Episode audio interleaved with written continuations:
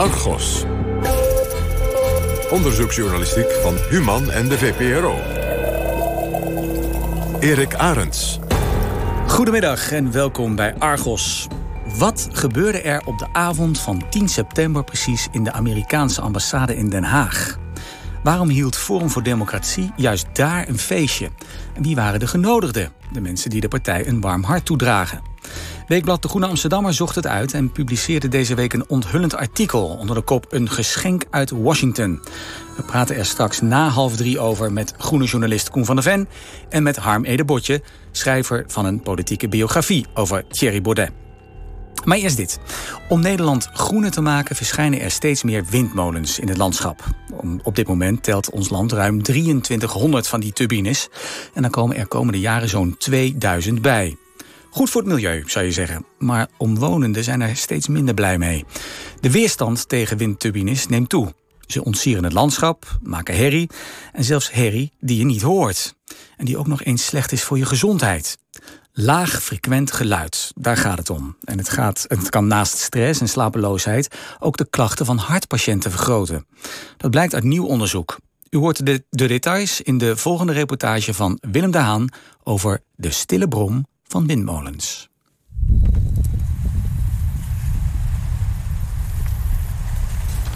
U vraagt zich af hoe dat nou is om nabij een industriële turbine te wonen. Dat is een plaag, een horror, dag en vooral nacht. Een apert ongewenst indringen, penetratie van decibellen en andere trillingen. En hoe dat dan klinkt? Het klinkt als een rollende, grommende brandingen. In ons geval vijf, dus vijf keer. Dank u wel. Ik woon op respectievelijk 650 meter, 530 meter en 850 meter van drie windturbines. De geluidsoverlast die wij ervaren is immens. De koppen van de windturbines zijn constant aan het draaien. Je hoort elektromotoren gieren en de kop in het slot vallen. En dat blijft maar doorgaan, ook al is er totaal geen wind. Een hoorzitting in de gemeente Hoekse Waard op 3 maart jongsleden. Met boze, teleurgestelde en gefrustreerde insprekers... over de vijf 200 meter hoge windturbines van Windpark Spui. De turbines draaien sinds eind 2019. We hebben besloten om na 20 jaar te verhuizen... en gaan dit binnenkort ook doen... weg uit deze godvergeten omgeving. Inmiddels ben ik bij mijn huisarts langs geweest of hij mij kan helpen. Zodat ik toch aan mijn nachtrust kan komen. Werken valt niet mee. Als er weken zijn dat je drie of vier nachten niet slaapt... vanwege geluidsoverlast en trillingen. Deze bizarre windmolens hadden op deze plek nooit... maar dan ook nooit gebouwd mogen worden. Bijna overal waar windturbines gebouwd worden... ontstaat verzet van omwonenden. Onder andere vanwege de geluidsoverlast. Die geluidsoverlast kan leiden tot ergernis, slaapverstoring en stress. Maar windturbines produceren ook laag frequent geluid. En dat zijn geluiden die lang niet iedereen hoort. Als voorbeeld laten we een toon horen van 40 hertz.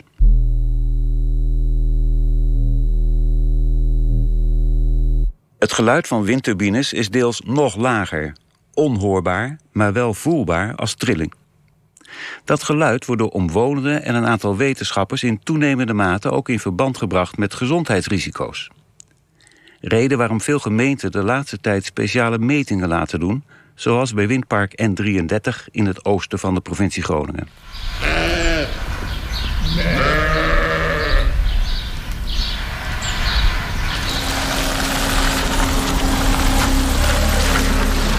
Goeiedag, dit is uh, Jan van Melwijk. Kijk aan, meteen live. hallo, hallo. We hebben er mooi weer bij, op tijd. Goedemiddag. Je kan je redden nog niet. Alles staan nou hetzelfde, dus je hebt heel zelf geplaatst. Dus, Hartstikke mooi, dan ga ik het gewoon zo weer weghalen. Oké. Gaat helemaal goed komen. Oké. Ik zal me er even op kleden. Op een boerderij ten oosten van toekomstig windpark N33...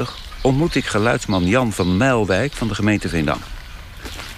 Rondom het toekomstig windpark heeft hij op 10 locaties meetapparatuur opgesteld... om de precieze hoeveelheid achtergrondgeluid vast te stellen... nu er nog geen windturbines draaien.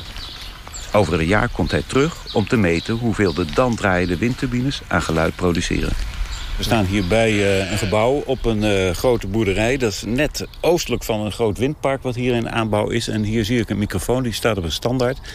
En die eh, staat hier nu een maand, begrijp ik. Dat klopt. Die staat hier nu een maand te meten om te kijken wat het achtergrondniveau is. Want er staan op dit moment nog geen molens. En over een uh, tijdje, als ze er wel staan, doe ik dat weer. En dan kan ik perfect zien wat het verschil is. Van Melwijk doet het onderzoek in opdracht van de gemeente Veendam. Hij meet daarbij specifiek juist ook het laagfrequente deel van het geluid. De apparatuur waarin alle gegevens van de afgelopen maand zijn vastgelegd... staat op zolder van de schuur. Wow, dat is echt een hele gammel trapje. Precies. Die is denk ik niet helemaal... Uh, uh, hoe moet je dat zeggen? Arbotechnisch. Uh... maar geef niet, dat is de vorige keer ook gekomen. als je mee wil, zou ik niet op die stap. Oké, okay, ik zie hem. De tweede, ja. Die is bijna doorgebroken. Zo. het ook proberen? Zeker. Oké. Okay. Oké, okay, inmiddels op, op de zolder van de boerderij. Precies. En wat hebben we hier? Nou, hier ligt een uh, geluidmeter. Dat is eigenlijk een soort uh, ja, kruising tussen een computer en een uh, geluidsrecorder. Hij doet ook beide. Hij berekent van alles aan het geluid en slaat dat op als getallen. En hij neemt ook 24 uur per dag alle geluiden op. Die dus van die microfoon die daar buiten stond via een kabeltje hier komen. Is er nu al iets te zien of heb je daar echt nee. een uh, computer voor nodig straks? Er zit een USB-stick aan en daar staat alle data op. Die haal ik straks over naar mijn computer en dan pas kan ik er iets van zeggen. Van Melwijk onderzoekt voor de gemeente al jaren klachten van mensen die bromtonen horen. Ook daarbij zoekt hij specifiek naar het laagfrequente deel van dat geluid. Juist, en dat zei ik net, hè, toen we buiten stonden. Ik zoom in met hele andere middelen. Uh, met spectrale analyse, om dat met een moeilijk woord te zeggen. Ik ga naar het spectrum kijken. Een plaatje waarin ik alle tonen van hoog tot laag kan zien. Ik zoom in in dat lage gebied. En dan zie ik of daar bepaalde toontjes, frequenties, uh, gebeurtenissen voorbij komen. Specifiek in dat laag. De meetapparatuur van Van Mijlwijk registreert dus onder andere tonen van lage frequenties. Het zogenaamde laagfrequente geluid. Geluiden die sommige mensen duidelijk horen, maar anderen niet en waar je behoorlijk gestoord van kan raken. Dat kan echt uh, gekmakend zijn. Er zijn mensen die liggen daar wakker van, die slapen daar slecht van. Uh, er zijn mensen die, die als de, de, de, partner het niet hoort... dan kan het de relatie zelfs uh, beschadigen. Dan gaan mensen om uit elkaar. Want moet je voorstellen, je partner wordt s'nachts steeds wakker... gaat op zoek, wil toch weten wat er aan de hand is. En jij zegt, ja, ik hoor toch niks, doe niet zo raar... kom toch liggen, niks aan de hand. Ja, dat kan fout gaan natuurlijk. Hè. Mensen raken daar soms door zo ontregeld... dat ze zelfs niet meer kunnen functioneren... in het normale maatschappelijk verkeer. Dus hun baan verliezen, veel meer moeten slapen... als dat dan lukt op gekke momenten en het kan je leven totaal ontwrichten. Ongeveer 10% van de Nederlanders neemt het waar. Zo'n 2% van hen krijgt slaapproblemen, wordt ziek, verliest baan of zelfs gezin. Maar dat gaat over getallen en niet over mensen. Hoe gekmakend dat laagfrequente geluid kan zijn bleek bijvoorbeeld uit de documentaire De Brom... die Margriet Westerhof en Christa Moeskere in 2015 maakten. Daarin portretteren zij een aantal mensen... die extreme last hebben van laagfrequent geluid. Vroeger wou ik altijd met een woonwagen trekken. Nou, ik had nooit voor mijn leven gedacht dat ik in een camper alleen Europa in zou trekken. Nooit niet. Ik heb uh, sinds vijf jaar geen normale nachtrust uh, meer gehad. Ik word uh, geregeld uh, wakker getrild. En dan bleek dus dat er een uh, dubbele trilling in mijn lichaam zat. En dat die gewoon uit het matras kwam. Nou, ik zou niet zeggen van het dak afspringen, want het ligt niet in mijn aard. Maar ik kan me voorstellen dat er mensen zijn die zo ver komen. Dit is een lage toon. Wat Norbert, Betteke en Angelina waarnemen, is laagfrequent geluid. Eigenlijk is het een heel natuurlijk fenomeen. Walvissen en olifanten communiceren ermee. Want laagfrequent geluid draagt heel ver. Het zit overigens ook in de aarde. En we produceren er steeds meer van. Onze economie draait er namelijk op. Want naast windturbines produceren ook weg, spoor en vliegverkeer laagfrequent geluid. Net als tal van machines en installaties. En het aantal klachten neemt toe, zegt de Stichting Laagfrequent Geluid. Daar kwamen in 2018 600 klachten binnen. Vorig jaar waren dat er al ruim duizend.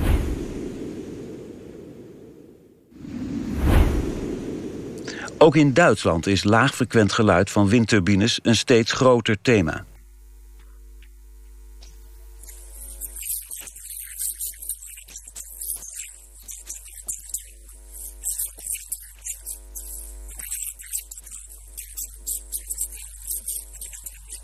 Een reportage van Duitsland-correspondent Wouter Zwart in het NOS-journaal van 9 december 2019.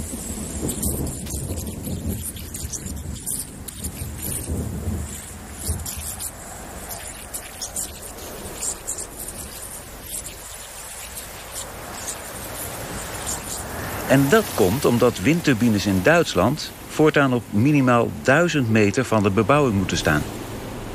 En daarmee is het gebied waar windturbines geplaatst kunnen worden 40% kleiner geworden.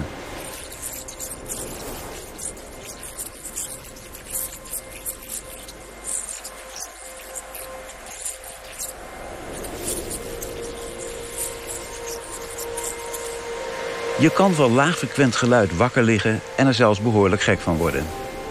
Maar er zijn ook nog geluiden met zo'n lage frequentie dat niemand die hoort. En juist deze trillingen zouden ook mogelijk ernstige gezondheidsrisico's met zich mee kunnen brengen. You are in the paper in Holland. Oh, I did come Yes, out. yes, yes, yes. Here, in the first, first two pages. Kijk, there are you are. Oh gosh. Ja. Mariana Alves Pereira is een Portugese natuurkundige die ervan overtuigd is dat laagfrequent geluid invloed heeft op het functioneren van het menselijk hart. Haar opvattingen zijn omstreden en haar onderzoeken worden vaak bekritiseerd. Pereira is een even frêle als flamboyante dame en ze is op bezoek bij de familie Nieboer in Nieuwbuinen, waar een van de grootste windparken van Nederland met 45 turbines in aanbouw is. It's a very slow process. Most people they say in the beginning I wake up tired. And of course not sleeping is a major problem, right? So you have uh, you can develop cognitive impairment, you become become more aggressive. What's it? Cognitive impairment. Your cognition is decreased. Het is een langzaam proces, zegt Pereira. Door permanente blootstelling aan laagfrequent geluid sta je vermoeid op. Na vijf tot acht maanden gaan je cognitieve functies zoals geheugen en concentratie achteruit. Je raakt geprikkeld en agressief. Volgens Pereira tast laagfrequent geluid uiteindelijk zelfs vitale organen aan, zoals je hart. Maar het probleem is volgens haar dat veel wetenschappers en artsen redeneren dat als je iets niet kan horen, het je ook niet kan schaden. Until very recently, it is taught what you can't hear won't hurt you. So, uh, and now if you go into the medical sciences, this sentence, what you can't hear can't hurt you, is the most ridiculous thing in medical sciences. So I ask you, a virus, you perceive it? A cancer, you might have a cancer growing completely inside of you. Do you perceive it? What about x rays? Neem een virus of kanker of röntgenstralen, zegt Pereira. Dat ruik en zie je ook niet. Veel tegenstanders van windparken hangen aan haar lippen. Zoals ook de familie Nieboer in Nieuwbuinen.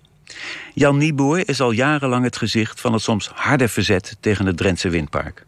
Ja, we maken ons uh, heel veel zorgen over onze gezondheid. En uh, wij zitten opgesloten in een concentratiekamp van windturbines. We kunnen niet weg. Niemand wil het huis nog kopen straks. En hoe, is dat, hoe is dat voor u? Ja, ik, ik werk in de medische sector en ik, uh, ik maak me daar inderdaad zorgen over. Ik heb zelf wel met zelfmoordgedachten gelopen. Van, ik, ik vind het verschrikkelijk, dat ding.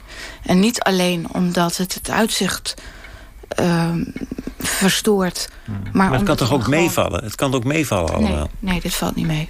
Nee, daar ben ik, ik, ik ga er 100% van uit dat het echt schade oplevert. Is niet een risico hè, dat als die dingen hier straks staan... Uh, dat ja, je kan of echt ziek worden of je kan denken dat je ziek wordt. Hè. Dus het kan ook een, wat ze noemen, een ingebeelde ziekte worden. Je, je ervaart klachten, je hebt misschien ook klachten... maar die zijn psychisch en die komen niet van dat ding. Daar en dat wij, dat verwarrend is. Hè? Daar zijn wij in dit uh, gedeelte van Nederland wat te nuchter voor... om onze ziektes in te beelden. We zijn ziek of we zijn het niet. Er zit niks tussen hier. De angst zit er diep in. Al dan niet aangewakkerd door de onderzoeken van Mariana Pereira. Maar veel collega-onderzoekers hebben moeite met de stelligheid van haar. Ook Jan van Melwijk van de gemeente Veendam. Mensen zeggen wel eens, je gaat ergens met gestrekt been in. En dat doet zij dus. Dat is niet echt een discussie of een debat.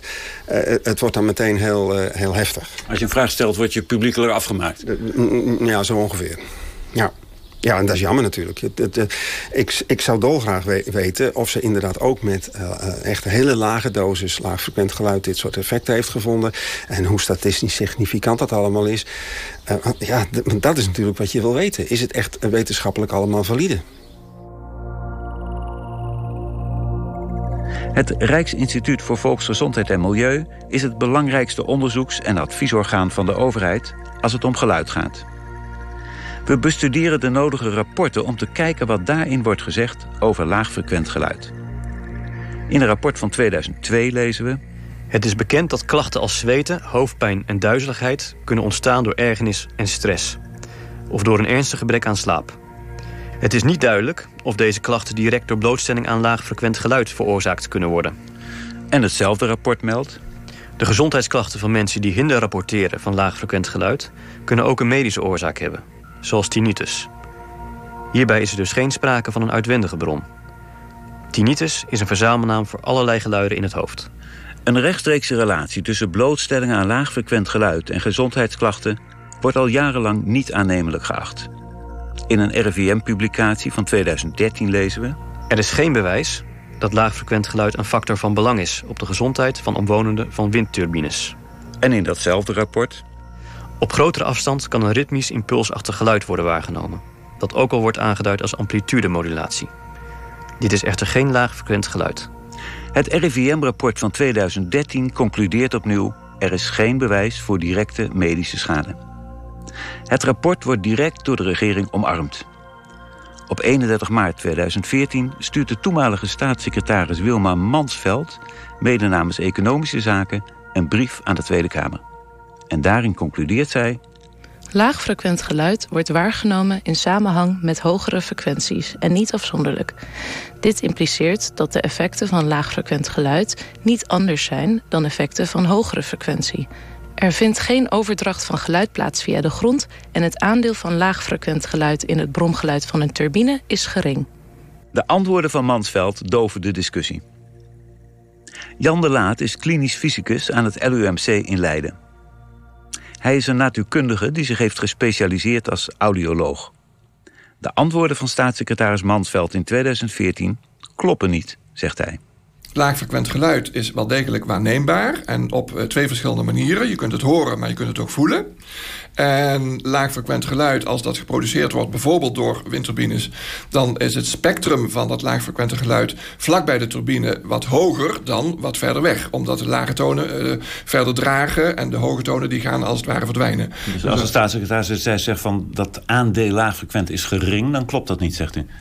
Um, zelfs bij de windturbine zelf is het aandeel laagfrequent geluid al behoorlijk hoog. En naarmate de afstand wat groter wordt tot de turbine, wordt het aandeel van de laagfrequente deel groter.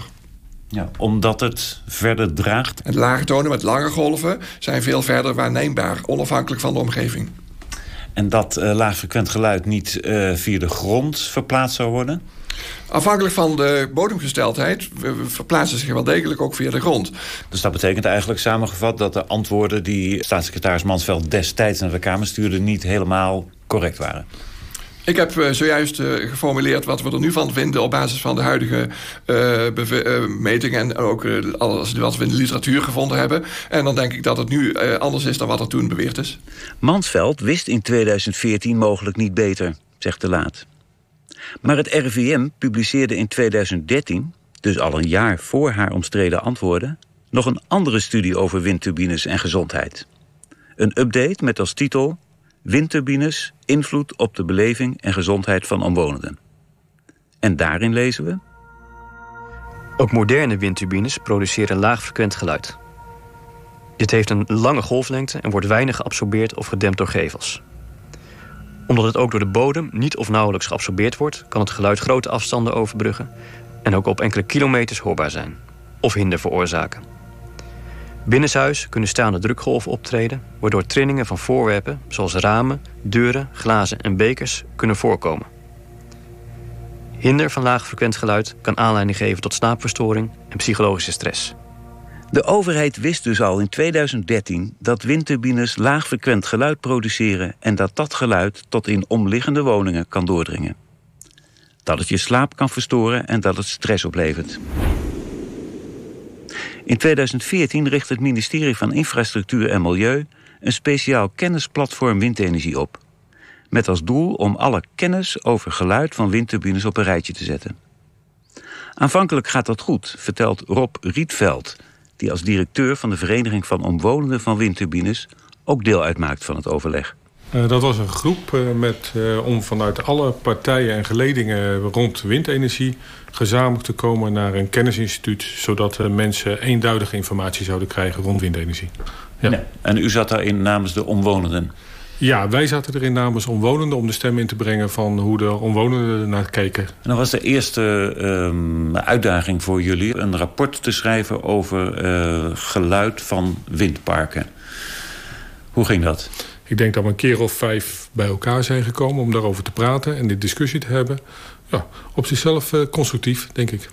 Ja, totdat er een probleem ontstond. Nou, het probleem ontstond, er, er lag uiteindelijk een rapport... Uh, waarvan wij vanuit, uh, vanuit onze kant een kanttekening wilden plaatsen... bij het, onder, onder andere het onderwerp laagfrequent geluid. Vooral dat stukje.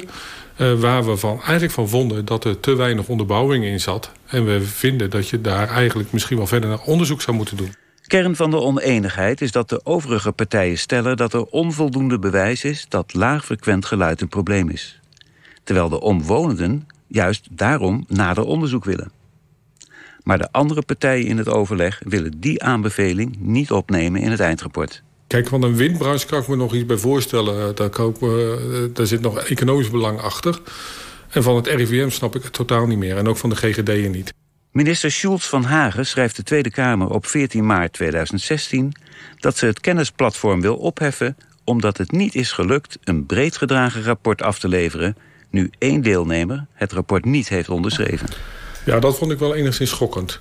Je, op het moment, kijk, als je alleen maar dit soort kennisplatform uh, opricht... om gelijkgestemde, uh, een gelijkgestemd rapport te laten maken... en geen kritische geluiden toelaat... dan denk ik dat een kennisplatform geen kennisplatform meer is. En ja, ik, ik was verbaasd dat men daar niet in mee wilde gaan... en dat men dat de reden was om vervolgens maar ermee te stoppen. Het was schijnbaar lastig. De minister kondigt de komst van een nieuwe groep aan. Een expertise-netwerk windenergie. Maar nu zonder de omwonenden. Nee, daar zijn we niet meer voor uitgenodigd. Ik denk dat wij waren toch wel die lastige mensen die dingen inbrachten... die men niet wilde onderzoeken of niet mee wilde nemen. Nou, u werd buitenspel gezet. Wij zijn buitenspel gezet op deze manier, ja. ja. Sindsdien is overigens niets meer van dit expertise-netwerk vernomen. Meerdere wetenschappers onderzochten de laatste jaren... het effect van laagfrequent geluid op mens en dier. Het geluid zou bijvoorbeeld een gaatje branden in het oor van cavia's... waardoor de gevoeligheid voor dat geluid nog verder zou toenemen. Zo stelde de Amerikaanse specialist Alec Salt. De Duitse hartspecialist Christian Vaal van de Universiteit Mainz... onderwierp levend hartweefsel aan laagfrequent geluid... en zag daardoor veranderingen in het hartweefsel optreden. En de Deense epidemioloog Aslek Polsen publiceerde in 2018 een onderzoek naar de mogelijke relatie tussen het optreden van beroertes en hartaanvallen en de blootstelling aan laagfrequent geluid. Op de internetsite van het tijdschrift Environmental International wordt hij daarover bevraagd.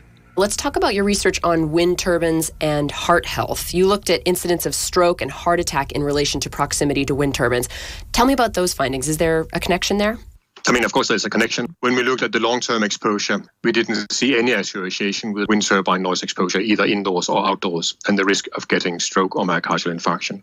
We did, however, also look at short term exposure. I mean, basically, if you have high exposure to wind turbine noise today, can it influence the risk of you getting um, a stroke or myocardial infarction tomorrow? So, not can it cause the disease, but can it trigger? Can it be the last step that pushes you over the edge? Paulsen is voorzichtig. Alleen bij kortdurende blootstelling aan laagfrequent geluid vindt hij een licht verband met het optreden van hartaanvallen en beroertes. En dat alleen bij mensen die al klachten hebben. Daarbij gaat het om kleine aantallen, het kan ook toeval zijn en het moet verder onderzocht worden. And there we did find some suggestion of an association that indoor noise could be associated or could be a trigger for these diseases. But that was based on on very, very small numbers and could also just be chance. But it's also really something I hope somebody else will investigate further. Jan de Laat is als klinisch fysicus verbonden aan het Leids Universitair Medisch Centrum. Daar behandelt hij onder andere patiënten die last hebben van laagfrequent geluid. Begin 2019 besloot hij met een team van studenten en medewerkers alle wetenschappelijke publicaties over de gezondheidsrisico's van windturbines te onderzoeken. Meer dan 300 in de afgelopen zeven jaar. En de Laat concludeert in aanvulling op het onderzoek van Paulsen dat zeker ook langdurige blootstelling aan laagfrequent geluid tot gezondheidsrisico's kan leiden. Waaronder de mogelijke kans op een myocard, een hartaanval. Dat heeft te maken met de manier waarop het menselijk lichaam blijkbaar functioneert. Je kunt je voorstellen dat um, als je um, op een trillingsvloer staat, dat dan um, zeker die trilling, ook met de hartslag, dat er een bepaalde interactie kan optreden. En op die manier lijkt, lijkt zeg maar, laagfrequent geluid de, het functioneren van het hart te beïnvloeden. Nou, daar zijn lang nog niet alle wetenschappers het over eens, maar we hebben het wel gevonden als een uh, verschijnsel wat tevoorschijn komt uit gedegen uh, onderzoek waar we over rapporteren. Hmm. En, en, en wat voor effect geeft dat dan op dat hart precies? Ja, de, um, wat er gerapporteerd is, um, voor zover we dat onderzoek kunnen vertrouwen nu, daar lijkt het op, um, is dat er bijvoorbeeld kleine myocardinfarcten kunnen ontstaan. En, en, en, maar dat zijn overigens maar kleine aantallen. Maar het zijn wel aantallen die gerapporteerd zijn... en ook betrouwbaar gerapporteerd zijn. Ja. En gaat het dan om een effect wat je ziet bij een, ja, een hoge dosis van het laagfrequente geluid... of ook bij al een, een milde of lage dosis? Ja, nou, twee dingen erover. Um, het uh, heeft niet zozeer te maken met een hoge dosis... maar meer met de tijdsduur. Uh, al, omdat het alsmaar doorgaat. En uh, dat is punt één. En punt twee, voor zover we het nu hebben kunnen nagaan... Um, gebeurt het alleen bij een risicogroep. mensen waarvan al bekend was dat ze met het hart... Um, dat er probleempjes zijn... die dan zich extra openbaren in zo'n omgeving. Langdurige blootstelling aan een geringe dosis laagfrequent geluid kan bij mensen die al hartproblemen hebben dus leiden tot hartaanvallen. En dat is iets waar de omstreden Alves Pereira al eerder op wees. Ik denk dat het uh, klopt wat ze in de tijd verteld hebben. Alleen het wordt nu wel een beetje gerelativeerd door um, uh, goed na te gaan over hoeveel uh, mensen we hebben, dus de, over de aantallen. Dat ligt iets genuanceerder dan Pereira dat in de tijd deed.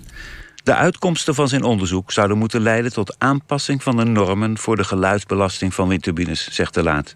Ik denk dat de norm strenger moet en dat we in de buurt van de 35 decibel moeten uitkomen. Dus zelfs voor dat zachte geluid, hè, want uiteindelijk is 35 decibel best zachtjes.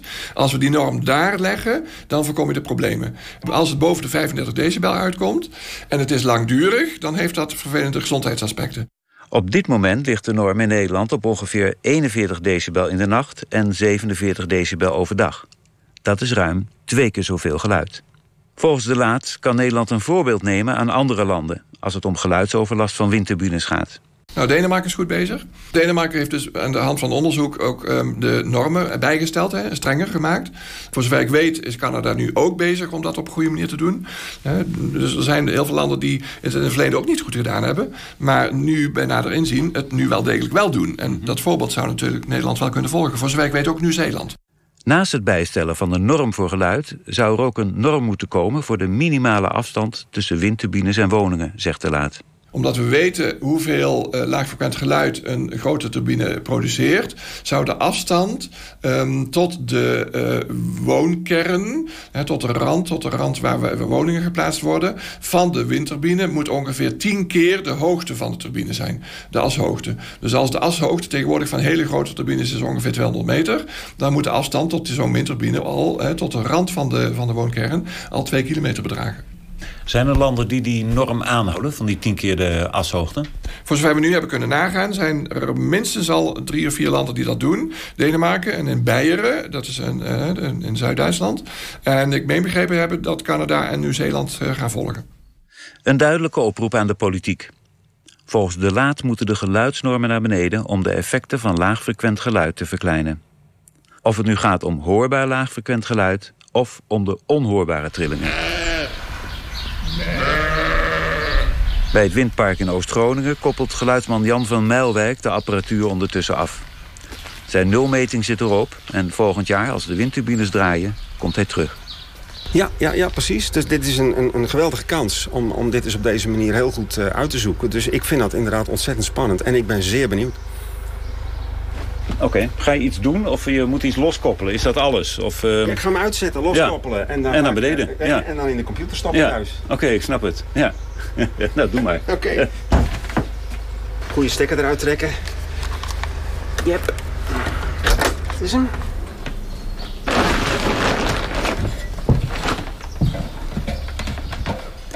Ja, leven de schone energie, maar dan wel graag zonder gevaar voor de rikketik. U luisterde naar een reportage van Willem de Haan... met medewerking van Argos-redacteur Niels van Nimwegen. De techniek was in handen van Alfred Koster, eindredactie Harry Lensink. Ik praat dadelijk nog even door over deze keerzijde van windmolens. Maar we gaan eerst naar Italië, want daar strijden Nederlandse leeuwinnen om de wereldtitel. En ze staan niet op het veld, maar zitten op de fiets. Of niet, Geo Lippens? Ja, zo zijn we het wel een beetje gewend. Hè? Acht Nederlandse vrouwen op dit wereldkampioenschap... waarvan vier vrouwen ooit al eens een keer de wereldtitel op de weg hebben gewonnen. En die zijn er allemaal bij. Marianne Vos, Chantal Blaak, Annemiek van Vleuten en Anna van der Breggen. Uh, we hebben, uh, eigenlijk is de koers ook maar net begonnen. Want uh, we rijden alweer een flinke tijd. Even kijken, toch wel een uurtje of twee. We hebben nog 82,9 kilometer te rijden. Maar eigenlijk wordt er nu pas hard gereden. Want we hebben een ontsnapping gezien van een Canadees. Alison Jackson en Grace Brown uit Australië. En daar is een groepje achter aangesprongen. Met daarbij één Nederlandse. Amy Pieters zit daarbij. Ik heb ook Lisa Brennauer gezien. Een uh, Duitse die ook in het verleden toch ook uh, wereldtitel op uh, tijdrit heeft gewonnen. Dus ook wel een tempobeul. Ja, en er zitten nog wat Engelse vrouwen ook bij. En die hebben een kleine voorsprong op het peloton. 24 seconden. Kijk nog even naar de samenstelling van die groep. De zusjes Barnes uit Engeland, die zitten er inderdaad bij. Dan hebben we Christine Margerus. Dat is wel een interessante vrouw. Luxemburgse, een hele sterke dame in dit veld. En het is toch een beetje ja, de voorbode op wat komen gaat. Het zijn niet de absolute topfavorieten die wegrijden. Want die blijven voorlopig in dat peloton zitten. Omdat ze weten dat het parcours verschrikkelijk zwaar is. Want je ziet het bij de passage met name van de twee klimmetjes die we onderweg hebben. Per ronde twee klimmen.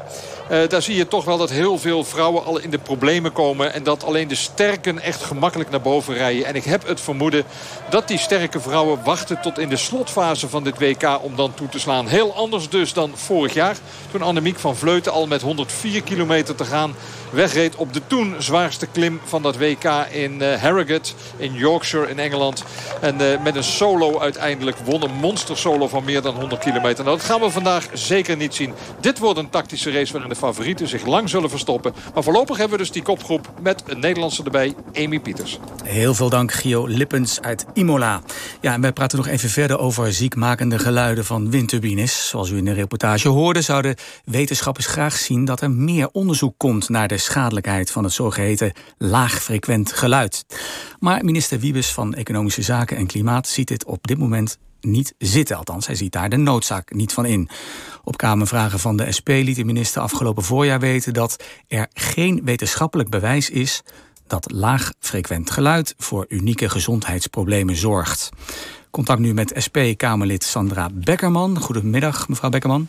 Goedemiddag. U heeft meegeluisterd met de reportage. Ja, onderzoekers van het Leids Universitair Medisch Centrum hebben dus ontdekt dat windturbines mogelijk riskant zijn voor mensen met hartproblemen. Was u daarvan op de hoogte?